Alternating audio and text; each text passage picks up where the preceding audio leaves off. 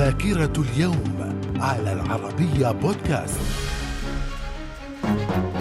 أهلا بكم ومن ذاكرة اليوم السادس والعشرين من ديسمبر في العام 1898 ماري كوري وزوجها بيير كوري يكتشفان مادة الراديوم المشعة في العام 1941 رئيس وزراء المملكة المتحدة وينستون تشرشل يلقي خطابا أمام الكونغرس الأمريكي بعد أقل من ثلاثة أسابيع من دخول الولايات المتحدة في الحرب العالمية الثانية. في العام 1990 العشرين الزعيم الديني الإيراني علي خامنئي يعلن تأييده لفتوى أصدرها سلفه الخميني بإهدار دم الكاتب الإيراني سلمان رشدي صاحب كتاب آيات شيطانية. وفي العام 1991 وفي مثل هذا اليوم تم حل الاتحاد السوفيتي. من الذاكرة. ومن ذاكرة السادس والعشرين من ديسمبر في العام 1991 الجبهة الإسلامية لل الإنقاذ بزعامة عباسي مدني في الجزائر تفوز في الدورة الأولى من الانتخابات التشريعية التي أجريت على أساس التعددية الحزبية في الجزائر.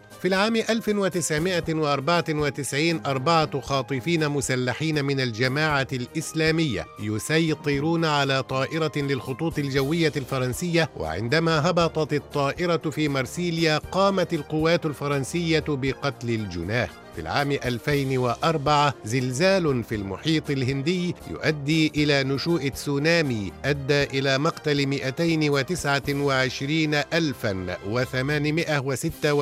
شخصا في ماليزيا وإندونيسيا والهند وتايلاند وبنغلاديش. من الذاكرة. ومن مواليد السادس والعشرين من ديسمبر في العام 1194 الإمبراطور فريدريك الثاني إمبراطور الإمبراطورية الرومانية الرومانية المقدسة. وفي العام 1891 ولد هنري ميلر الكاتب الأمريكي. 1893 ولد ماو تسي تونغ زعيم الحزب الشيوعي الصيني. وفي العام 1921 ولد الممثل المصري كمال الشناوي. 1928 ولد مارتن كوبر مخترع أمريكي وصاحب أول مكالمة هاتفية عبر الهاتف النقال. من الذاكرة. في السادس والعشرين من ديسمبر من العام 1974 توفي فريد الأطرش المغني السوري المصري الشهير. وفي العام 2006 توفي جيرالد فورد رئيس الولايات المتحدة الثامن والثلاثون. من الذاكرة. إلى اللقاء.